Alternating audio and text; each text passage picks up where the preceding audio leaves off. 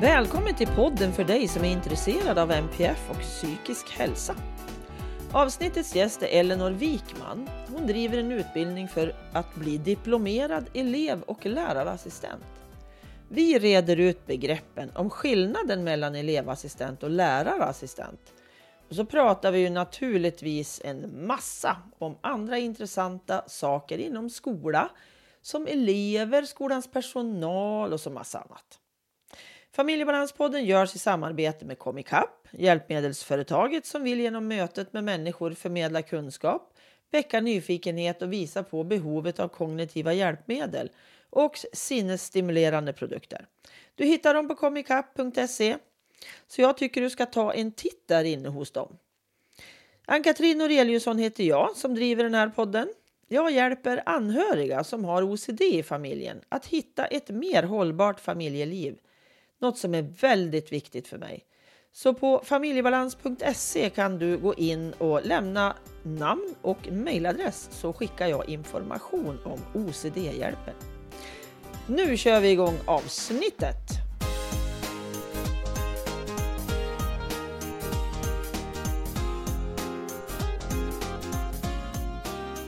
Hej Elinor!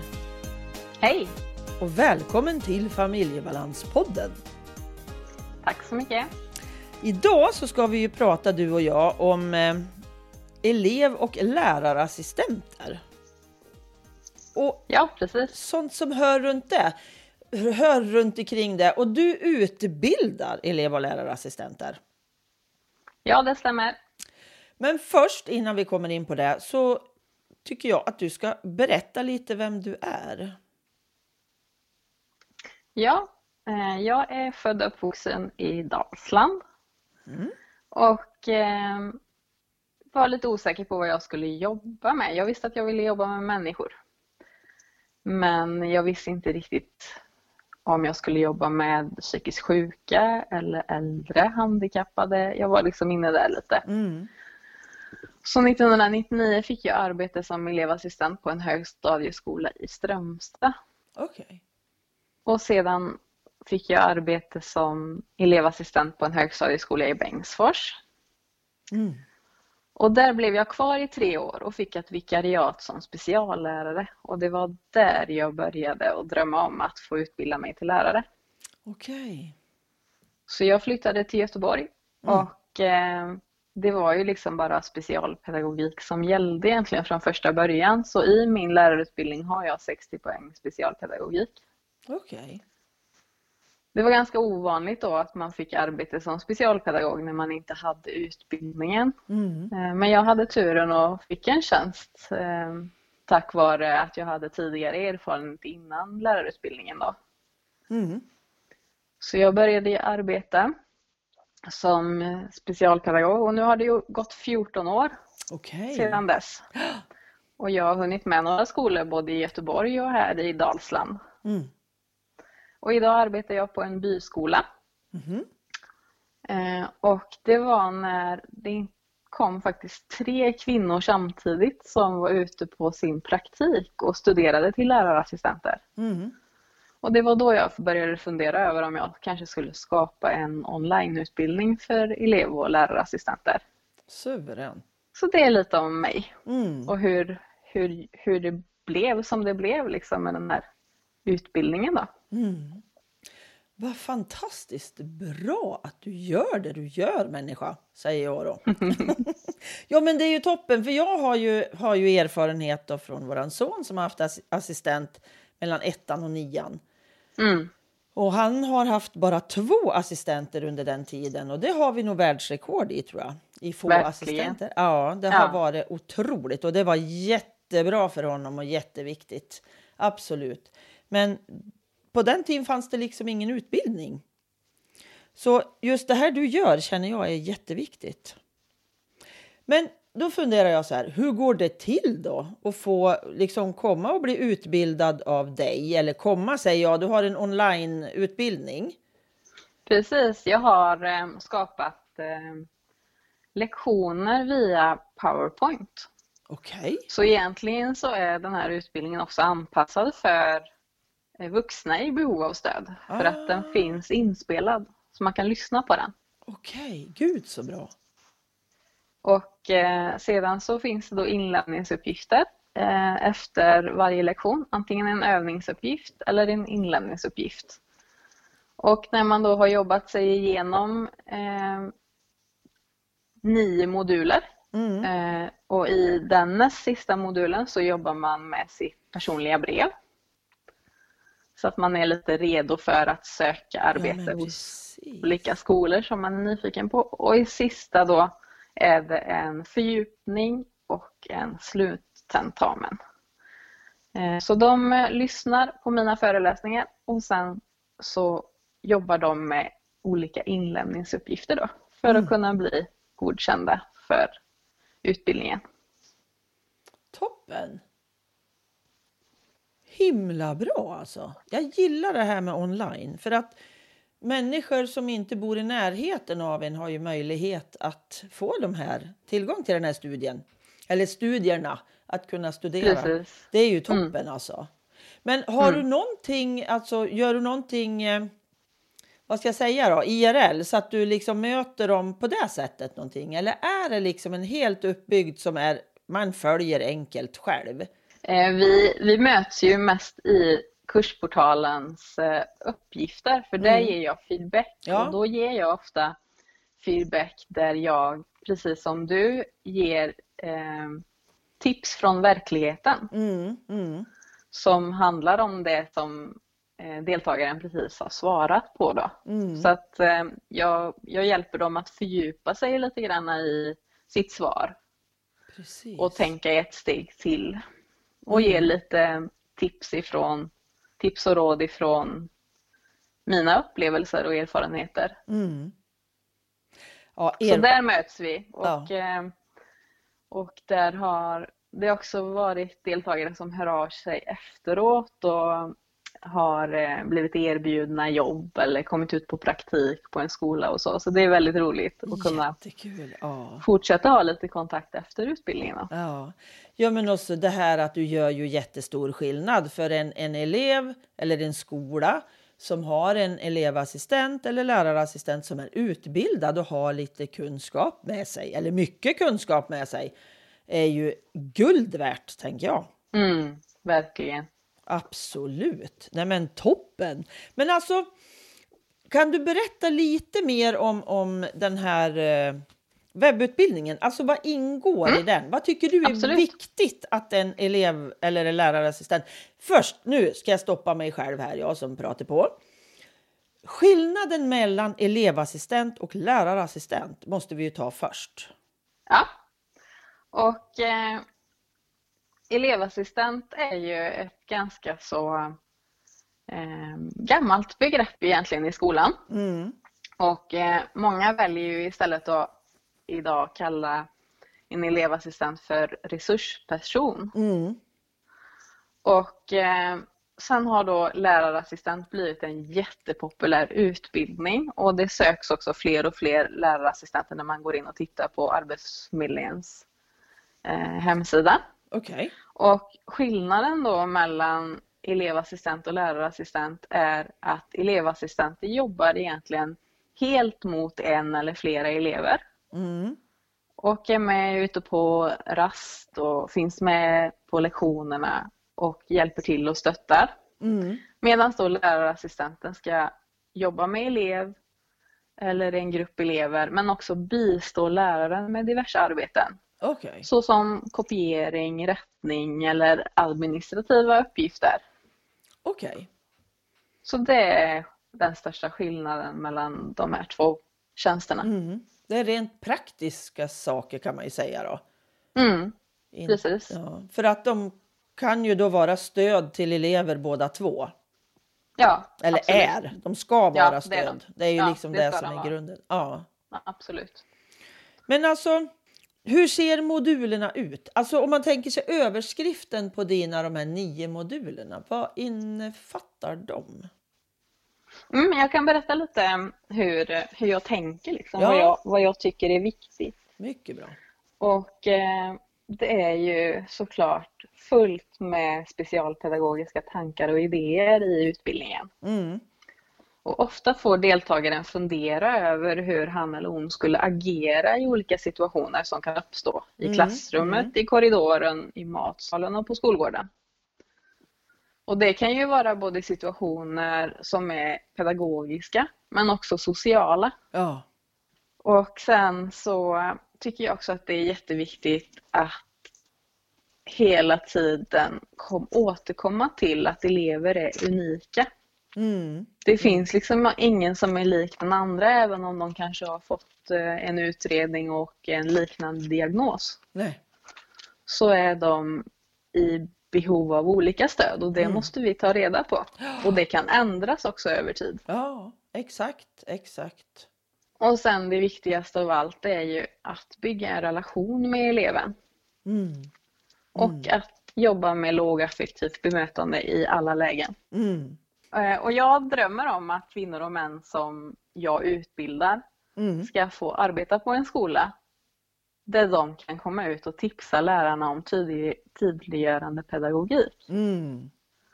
För det finns en del lärare som har hamnat i jag gör som jag alltid har gjort Mm. tankar. Mm. Och då vill jag att elev och lärarassistenter ska komma ut och väcka dem lite Mm. och få dem att prova nytt. Mycket bra. För det behöver vi lite till mans tänker jag ibland. Att, att någon kommer och petar lite på mig. Men alltså hallå, nu har du gjort så här så länge och det kanske inte funkar.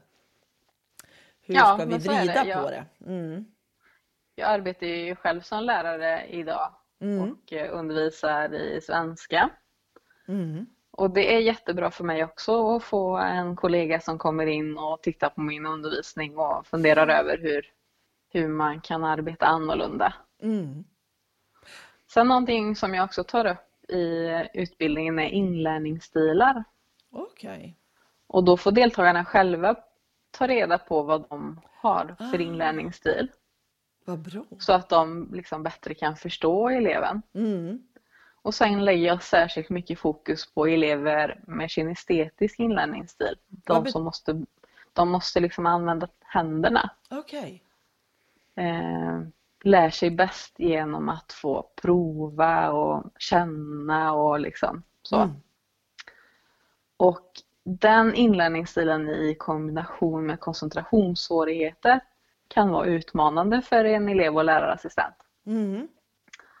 Och därför tänker jag att det är viktigt för dem att börja tänka utanför boxen redan nu under utbildningen. Mm. Man kanske kan ta pauser tillsammans med eh, eleven för att Mm. minska koncentrationssvårigheterna. Och då behöver man ju fundera på hur långa Ja. arbetspass orkar eleven med. ja, precis. Och sen kanske det finns stressbollar eller ståbrädor som eleven kan använda under en genomgång eller när eleven ser på film. Mm. Mm. Ja, det är fantastiskt att det kommer. Alltså att du har den här tänker jag, för det här är ju jättebra för alla som Mm. ska jobba, för, jobba med elever. För att det är inget, ingenting av det här är självklart. Om jag inte Nej. liksom får lära mig det. Nej men så är det ju. Men, men eh, då har ni, alltså hur länge, hur lång tid tar varje sån här modul att göra? Eh, Tanken är att man om man studerar på heltid ska kunna göra en modul i veckan. Okej. Och det stämmer ganska bra. Och jag märker också att de, det finns ju flera som redan arbetar i skolan som går utbildningen. Mm. Och det, ofta så är det deras rektor som har betalat utbildningen för att de vill ha mer kompetens eh, bland eh, resurspersonalen. Mm. Och då går det ju riktigt snabbt för de här deltagarna eftersom de redan är, de kan redan liksom tänka sig in i de Ja. exemplen som jag tar för att de har kanske redan varit i en sån situation. Mm. Och kan praktisera, tänker jag, hela tiden där de lär sig. Precis. Så det, det, det ger väldigt mycket till mig också. Mm. Och eh, sen så finns det ju de som, många av dem som väljer att gå utbildningen är inom serviceyrke. Mm. Och eh, det tänker jag passar väldigt bra för att älskar man att arbeta med människor så passar man väldigt bra som eh, elev och lärarassistent. Mm. Mm. Eh, för att det handlar ju mycket om, det är ju inte bara att man ska arbeta med eleverna utan man ska också möta elevernas vårdnadshavare Ja. och man ska då jobba med sina kollegor då som ofta är lärare. Mm. Och det kanske faktiskt är så att man ser någonting i undervisningen som behöver ändras och då gäller det att man vågar berätta det för läraren och vara elevens ambassadör. Ja, precis. Och jag tänker så här att, att utbildade elev och lärarassistenter gör att de stannar kvar, tänker jag, på sin plats. Eleven behöver inte byta då assistent 40-19 gånger under sin skoltid. Skolan blir mycket lugnare och tryggare. Alltså, vad ska jag säga? Personalomsättningen blir ju mindre Ja, när det finns människor som, som vet vad de ger sig in i. För det tror jag definitivt inte många gör när de kastar sig in som elevassistent. De har ingen aning en del tror jag vad det är de ska göra. nej, så kan det nog vara.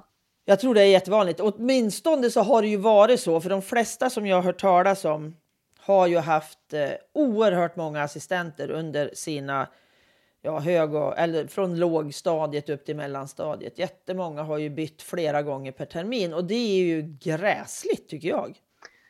Ja, det, det blir jättesvårt att bygga en relation då Ja, till sin elevassistent om Ja. man inte får, eh, får vara tillsammans under tid. Nej, men och kanske är osäker på sin uppgift tänker jag. Vilken arbetsbeskrivning har de? Mm. som bara får liksom, nej men vi, vi tar någon. Nu hoppas jag att det inte alls är så längre, men alltså jag har ju sett att det har varit så tidigare. Mm. För jag har ju pratat med ganska många föräldrar som har haft assistent till sina barn ja, för ett antal år sedan. Och eh, det här hade ju varit guld om det hade funnits alltså då redan. Hur länge Mm. har du jobbat med det här? Alltså just att Vi- fram assistent. Jag startade igång eh, utbildningen 1 juli 2020. Okej. Så till sommaren har jag jobbat med den i ett år då. Mm.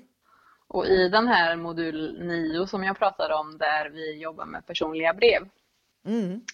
Eh, där skriver jag också vad eh, eh, deltagaren kan tänka på vid, liksom på en intervju första dagarna innan eleverna kommer, också när eleverna har kommit. Precis. För det finns så mycket oskrivna regler på en skola. Ja.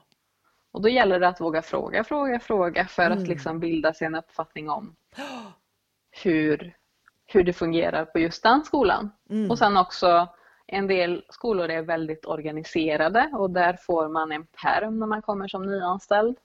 Där det liksom står om regler och det står om vad som händer vid brand. Mm. Mm. Eh, Man får fylla i sekretess och ja, men det är liksom väldigt organiserat. Medan andra skolor där kanske man bara som du sa, där kastas in. Och då har jag också uppmanat dem att be rektor innan, om man nu blir intressant, intressant då, om de tycker Mm. att man är intressant för en anställning, Mm. att man då ber om att få en beskrivning av tjänsten Ja, innan man tackar ja. Ja, det är jätteviktigt. Ibland så finns, inte, finns det inte en tydlig arbetsbeskrivning. Nej. Och eh, då, då kan man be att få det innan man tackar ja. Jätteviktigt, för det tycker jag alla skolor skulle ha. Det borde ju Mm. vara en självklarhet, tänker jag. Mm. Som vilken arbetsplats som helst. Jag vill ju ha en arbetsbeskrivning och vad är det som gäller för mig och vad ingår och allt det där. Vad, vad, Mm. vad förväntas av mig och alla de Precis, bitarna och- är ju jätteviktiga. Vad gör jag på loven när eleverna inte är här? till exempel. Mm. Och ska jag vara med på alla möten som, Ja, som är på skolan? Så det finns, eh, det finns mycket och sen när, när det kommer till regler då så finns det ju det finns ju liksom regler för matsalen, för korridoren, klassrummet och för eh, skolgården. Mm. Och vet man då inte det som elev eller lärarassistent så är det ju svårt att bygga relationer med eleverna. Mm. Mm. För att man kanske inte säger samma som sina kollegor då eftersom man inte har fått informationen. Så det är också jätteviktigt att liksom känna att man är på banan och, och vet vad som gäller. Mm, mm. Precis, och jag tänker på det här som du sa om hem och skola. Mm. Att ha kontakt med vårdnadshavarna. Och Jag upplevde väldigt många gånger under mina barns skolgång, nu är de över 30 båda två, så det är ju många år sedan. Och eh, det här att vi sa hela tiden att eleven i centrum och barnet är viktigt, men det kändes som att vi slogs runt den där ungen i alla fall. För att vi mm. hamnade i två olika läger liksom. Att det vart mm. nästan, inte bråk var det, men det vart lite hårda ord ibland. Att vi krävde för mycket som föräldrar, vi tyckte skolan inte gjorde som vi tyckte var rätt för våran unge. Och det här tycker jag skulle vara så himla viktigt på alla skolor. Att verkligen ha samverkan. Alltså mm. förälder, skola, alltså hem, skola. Att det vore en allians, ett team, en samarbetspartner. Alltså vi jobbar ju för samma mål. Vi vill ju ha mm. ut de här eleverna som starka individer liksom. Precis. Och då blir ja, det, det knäppt när man slåss ovanför huvudet på den där ungstackaren. Den är ju inte med mm. alla gånger, tur som tur är. Men alltså, mm. jag förordar jättemycket. Jag skulle ju vilja hålla utbildningar i det, just det där att det är också mycket bemötande och både för föräldrarna och för skolan. Båda behöver mm. ju liksom ja, instruktioner kan man väl kanske inte säga, men man behöver där också som förälder behöver man få lära sig tycker jag att prata inte skit om skolan inför barnen. Mm. För att det förstör ju för barnet. Även om jag tycker så så behöver inte barnen veta det. Precis och sen beror det ju lite grann också på vad eleven har för eh, behov av stöd. Mm. Mm. Jag har jobbat med, med elever som har Tourette. Ja. Och jag har också jobbat med elever som har OCD. Um, I det här fallet var det ett hälsotvång då, så eleven behövde tvätta sig väldigt ja. mycket och behövde liksom stoppas i det. Och den eleven kom ju ofta väldigt sent till skolan. Ja. Yes. Vilket gjorde att elevassistenten eh, som jag, jag var jag arbetade som samordnande specialpedagog. Det var en väldigt stor skola. Mm. Så jag hade ett team med elevassistenter som jag arbetade med då och la schema för och så. Och den elevassistenten, han hade ju daglig kontakt med föräldrarna. Mm, jättebra. För då ringde ju föräldrarna och sa ja, nej nu, nu är det tufft här på morgonen och, och det kommer nog dröja någon timme innan vi kommer att komma. Oh.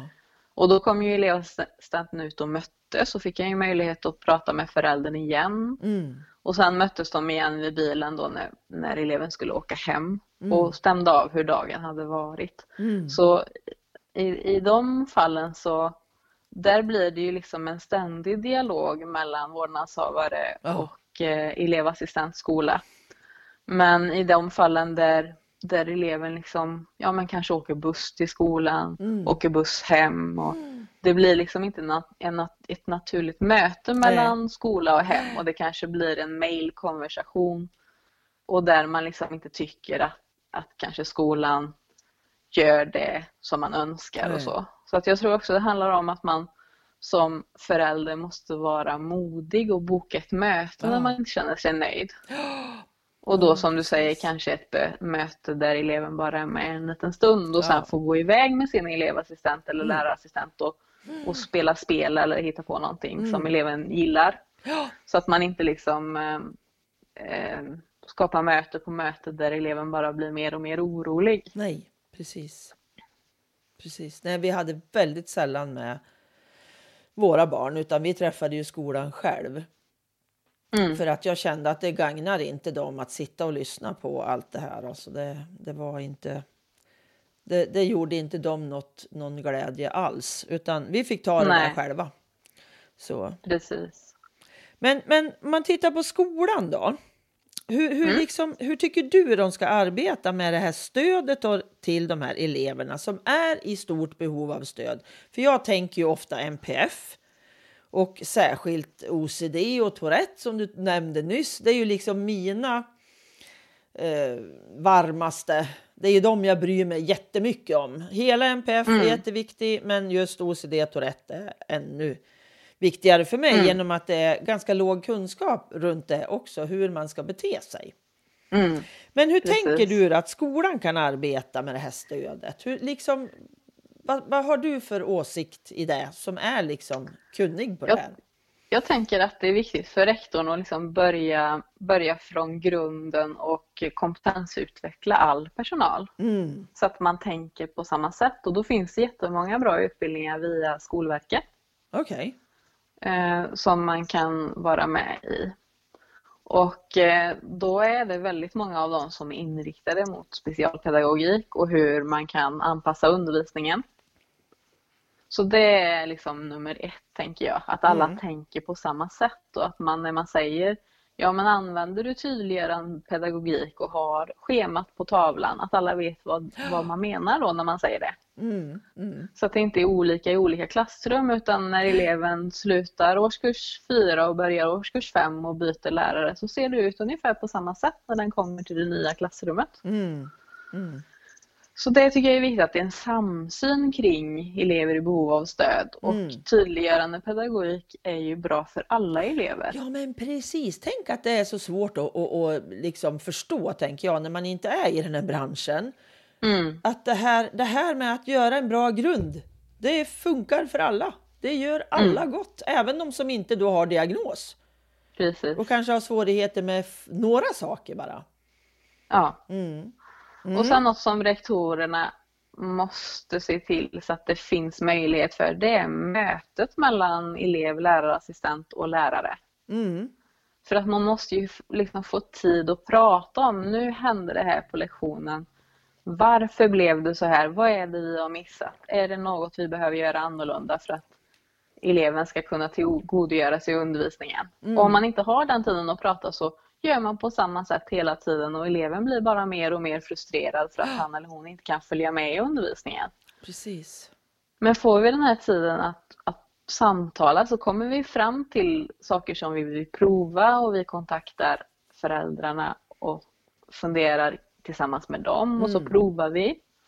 Vi utarbetar ett åtgärdsprogram och så provar vi och sen utvärderar vi det tillsammans med eleven och vårdnadshavarna. Mm. Och då kanske det visar sig att något av det vi provade fungerade men något fungerade inte alls. Nej. Och då måste vi tänka ett varv till. Ja. Och det där tar liksom aldrig slut utan Nej. det måste vi fortsätta och utveckla under hela elevens skolgång. Mm. För som jag sa tidigare så ändras det över tid vad eleven har för behov. Mm. Visst, absolut. Absolut, för jag tänker också så här en, en, en diagnos är ju lite ja, färskvara.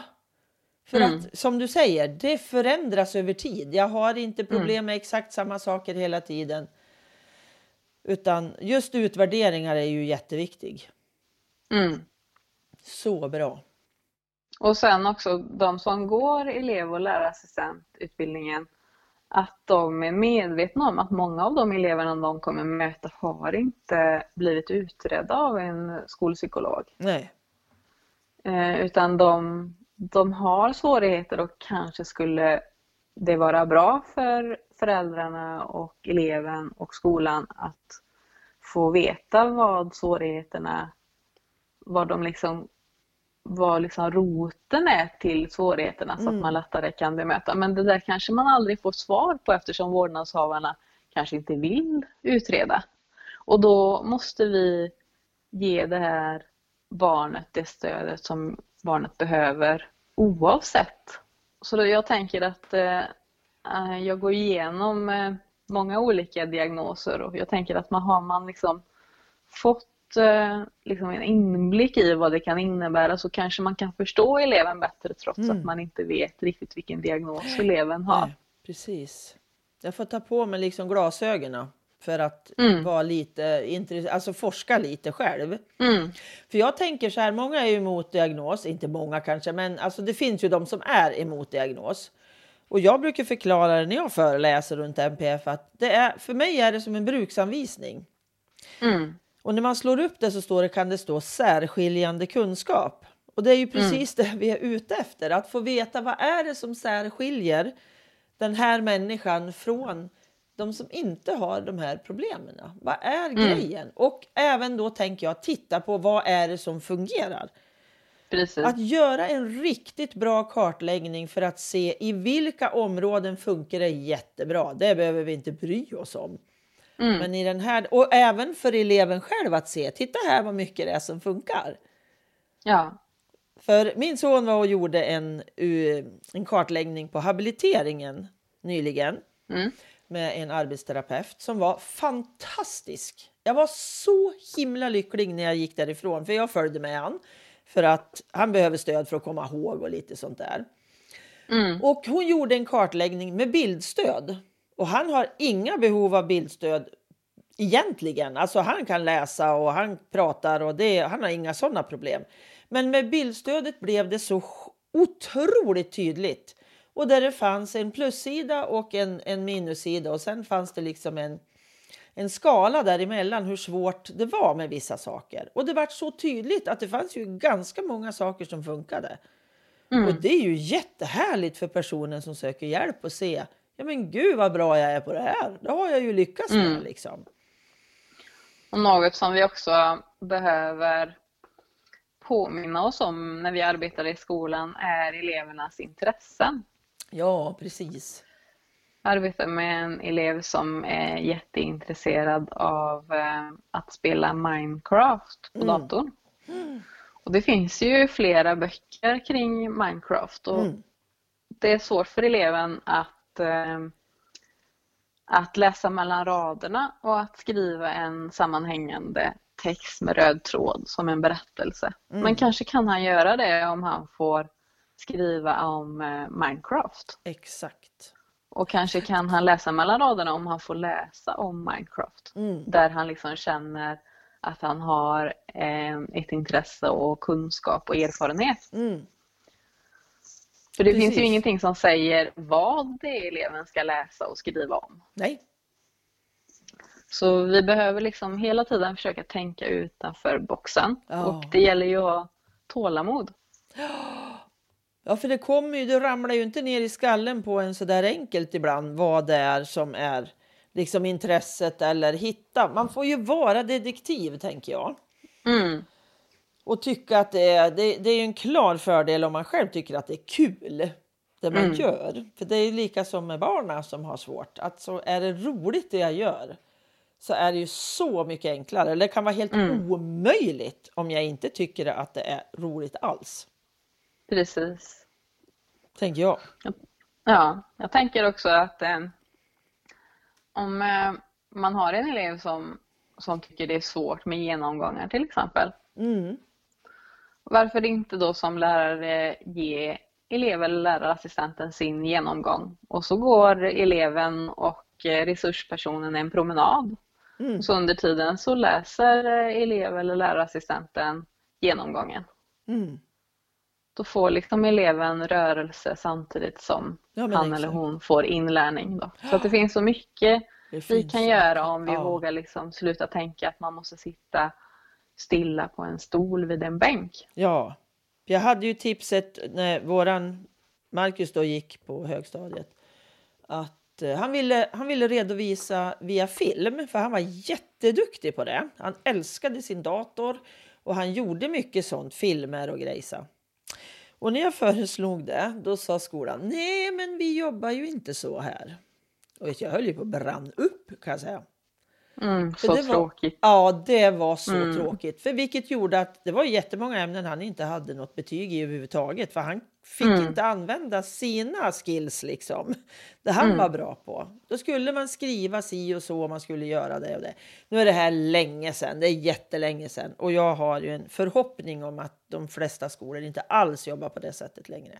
Att vi har alltid gjort så här. För det, det funkar ju inte. Vi kan inte leva Nej. i dåtid, det går inte. Nej. Och jag tänkte backa tillbaks lite kort till det här du sa att all personal behöver utbildning. Och då tänker jag verkligen all personal. Alltså Mm. från vaktmästare, från bespisningen, från alltså alla på en, som Mm. jobbar på en skola behöver ha kunskap runt Mm. omkring elevers olika beteenden och hela det här. Alltså det är jätteviktigt. För jättemånga gånger kan vaktmästaren vara en väldigt bra resursperson för vissa elever. Det är dit jag går och pratar. Mm, så är det verkligen. Mm. Ja. Så är det verkligen. För att eh, vaktmästare eller städerska Ja, kan ha mycket mera tid än vad läraren har som Ja. ska skynda vidare till nästa lektion. Precis. Eh, och sen också när, när eleverna blir lite äldre så tar det emot ibland att prata med betygsättande lärare. Ja, men precis. Det känns liksom enklare att berätta att man har det lite tufft Mm. när man pratar med någon som inte ska sätta betyg. För Nej, man är liksom rädd att det ska påverka betyget. Men exakt. Ja, för all, all personal på skolan är jätteviktig, tänker jag. Mm. Det är inte bara pedagogerna som är viktiga på skolan. De är såklart jätte, jätte, jätteviktiga, men de andra är också viktiga fast på andra sätt, Mm. tänker jag. Mm. Men det här med rekrytering. Vad ska skolan tänka på vid rekrytering av elevassistenter då, eller lärarassistenter? Särskilt vid MPF tänker jag då. Va, va, Vad tycker du? Liksom att, vad, vad ska de tänka på? Vad ska de... Vid, eh, vid intervjun är det viktigt att, att ställa många frågor som får eh, rektor att förstå personens elevsyn och människosyn. Mm, mm, Och i ett samtal så ser man ju också eh, personens sociala förmåga. Det kommer ju automatiskt. mm, Och man kan också se eh, man kan också se människans nyfikenhet i mötet. Mm, För jag tänker att det viktiga är att, att våga vara elevens ambassadör. mm, mm. Och, och har man då svårt med, med det sociala så då är det inte riktigt rätt person för elev och lärarassistent. Nej. Men om det är en nyfiken person som har social förmåga och en elev och människosyn som stämmer överens med värdegrunden så tycker jag absolut att det är rätt person på Mm. rätt plats. Så mycket frågor är ju jätteviktigt. Att, Mm. att kunna liksom bilda sig en uppfattning i kanske ha olika eh, scenarier, situationer. Hur tänker du här liksom? Ja, Så. precis. Att få, att få personen som då har sökt tjänsten eller vill ha en tjänst på den skolan, att den får fundera lite också. Hur gör jag? Hur tänker jag? Hur... Och det kanske den vet såklart och då är det ju lätt att svara. Men ibland kanske man behöver lite utforskande frågor liksom. Jo, jag t- tänker också att, eh, att en tvärsäker person kanske inte heller är rätt person Nej. för att arbeta som elev och lärarassistent. För man måste vara flexibel och då kan man liksom inte man kan liksom inte vara ja men allt är inte hugget i sten utan allting Nej. förändras över tid. Och man behöver vara lite nyfiken och eh, eh, sugen på att lära sig nytt. Mm, mm. Så det tror jag att eh, de tvärsäkra personerna som liksom eh, utger sig för att kunna det mesta och Ja, så. men precis. Det kanske inte heller är rätt person på rätt plats. För man behöver få vara- vara nyfiken och vilja lära sig nytt och liksom se att det här kanske inte jag kan så mycket om men jag vill väldigt lära, gärna lära mig mer om det här. Ja, Det tror jag är en väldigt bra egenskap för en elev och lärarassistent. och då tänker jag så här, det blir ju en självklar väg fram att faktiskt gå din utbildning, tänker jag. Att Mm. skolan bekostar den här utbildningen, för det kommer Mm. att ge dem tillbaka jättemycket. Ja, Absolut. Är du den enda som har såna här utbildningar? nej det finns eh, flera utbildningar men ofta Okej. så är de eh, ofta så är de utbildningarna längre. Det finns eh, Eh, Det finns flera onlineutbildningar men det finns ju också KI-utbildning och folkhögskola. Men då är de på ett år Okej. och då går man ut på praktik i utbildningen. Mm. Min utbildning är diplomerande vilket innebär att det inte ingår någon praktik utan Okej. istället så har jag eh, flera case i utbildningen då, där man får tänka sig in i hur man skulle agera och så får man möjlighet att komma ut och intervjua lärare kring tydliggörande pedagogik, hur de arbetar med konflikter, Mm. om de ar- arbetar med sociala berättelser och ritprat med yngre elever när de hamnar i konflikt. Mm.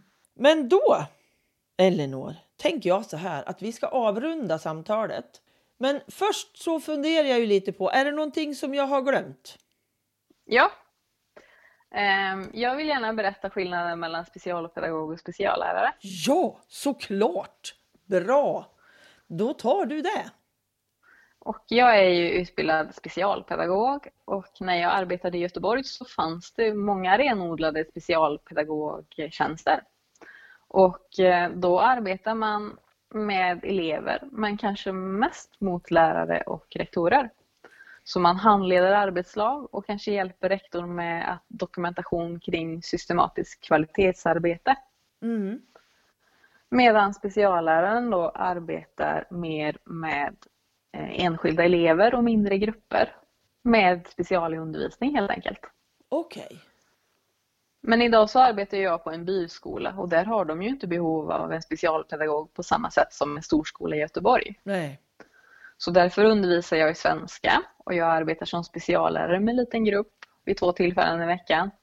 Och sen arbetar jag mest som specialpedagog i våra pedagogiska forum och när vi möts i vårt elevhälsoteam. Mhm. Så det blir liksom, det är ju väldigt svårt eh, för de mindre skolorna att ha en renodlad specialpedagogtjänst. Så ofta Mm. när man söker specialpedagogtjänst på en mindre skola så blir man automatiskt en speciallärare och specialpedagog så att man har liksom båda Ja. tjänsterna. Precis. Hur många elever är det på skolan? Eh, det är eh, 70 elever. Okej, den är så pass liten alltså. Mm. Mm. Ja, men då förstår jag att man behöver ha flera roller. Ja, Helt klart. Men vad skönt med en sån liten skola för mång, många av eleverna som har problematiken inom MPF behöver ju det här lilla. mm. Så det måste ju vara jättehärligt. Men hur stort upptagningsområde har ni? Är det, är det stort eller? Eh, nej, det, det är inte jättestort. Eh, det är det inte. Eh, utan eh, det är liksom kommunen och sen Ja. kan det vara några elever som kommer från andra kommuner. Men mest är det från den kommunen där skolan finns då. Mm, mm. Och eh, jag tänker också att eh, just det här med specialpedagog och speciallärare. På vissa skolor har de liksom tagit beslut om att specialpedagogen inte alls ska möta eleverna. Nähä. Utan att eh, specialpedagogen bara ska arbeta med att handleda lärare och att eh, hålla i föreläsningar Okej. och eh, jobba med rektor. Då. Så, att det ser, eh, så kan det faktiskt se ut. Mm, mm. Eh, Så um, en del som har gått specialpedagogutbildningen och eh, hamnar på en tjänst där det blir liksom speciallärartjänst istället kan, Mm. kan ju uppleva att det blir väldigt fel då. Ja, så att de- precis. De vill jobba mer med skolutveckling. Mm, mm. Mm. Ja, det blir ju helt olika Mm, delar liksom. precis. Mm. Spännande. Men jag tycker att det fungerar väldigt bra att och, eh, ha en sån här kombinerad tjänst där jag både får arbeta som Mm. som lärare, speciallärare och specialpedagog. Men det handlar säkert mycket om också att jag har fått, fått arbeta 14 år nu Ja, precis. och har liksom, ja, men jag känner mig nöjd med en, en kombinerad tjänst. Mm. Ja, men det måste ju också vara ganska trevligt, tänker jag. Jag har ju den där förmågan att vilja göra väldigt många olika saker. Mm, Jag tröttnar ju om jag ska göra samma sak hela tiden. Så att en sån själ tycker jag att det är roligt att göra lite olika saker, tänker jag. mm. Att man Och behöver... sen hjälper det ju mig också att göra en bättre elev och lärarassistentutbildning Mm. Ja, men exakt. Exakt. eftersom jag liksom är i, är i, i skolans verksamhet Mm, mm. varje vecka och får får nya situationer som jag kan delge eh, till eh, mina deltagare då, utan att eh, nämna namn och årskurs såklart. Nej, det är ju sekretess på sånt så. Men jag tänkte innan vi avslutar så tänkte jag jag måste ju tipsa lite grann om, om att du har träffat Stina Wolter. Ja, precis. En liten kortis om det måste du berätta tänker jag. Ja, eh, det var i eh, februari 2018 som jag fick möjlighet att resa till Uppsala. Mm. Och då hade Stina Wolter fortfarande sitt program på söndagar som hette Söndagarna med Stina Wolter. Mm. Och eh, då fick jag möjlighet att komma dit och prata om endometrios och ofrivillig barnlöshet. Precis. Så det länkar jag till, tänker jag, i eh, beskrivningen av det här poddavsnittet. Mm, det får du gärna göra. är man intresserad av att lyssna till dig och Stina så kan man gå in på den länken. Mm. Jättebra. Tusen tack Elinor! Ja, tack själv. Det var jätteroligt att få vara med. Mm, det här var så viktigt tema, tänker jag. För jag tycker att elev och lärarassistenter är en jätteviktig resurs i skolan. Och även specialpedagog och speciallärare såklart. Så det var jättebra att vi fick reda ut begreppen och prata runt det här. Ja, Tusen tack! tack själv. Hej då! Hej då! Tack för att du lyssnat. Tack till Pelle för musiken, Pernilla som fotade, Marcus som fixat poddloggan och till Anders för att du redigerar mitt prat. Och tusen tack till Comicap för samarbetet. Hoppas vi hörs igen. Hej då!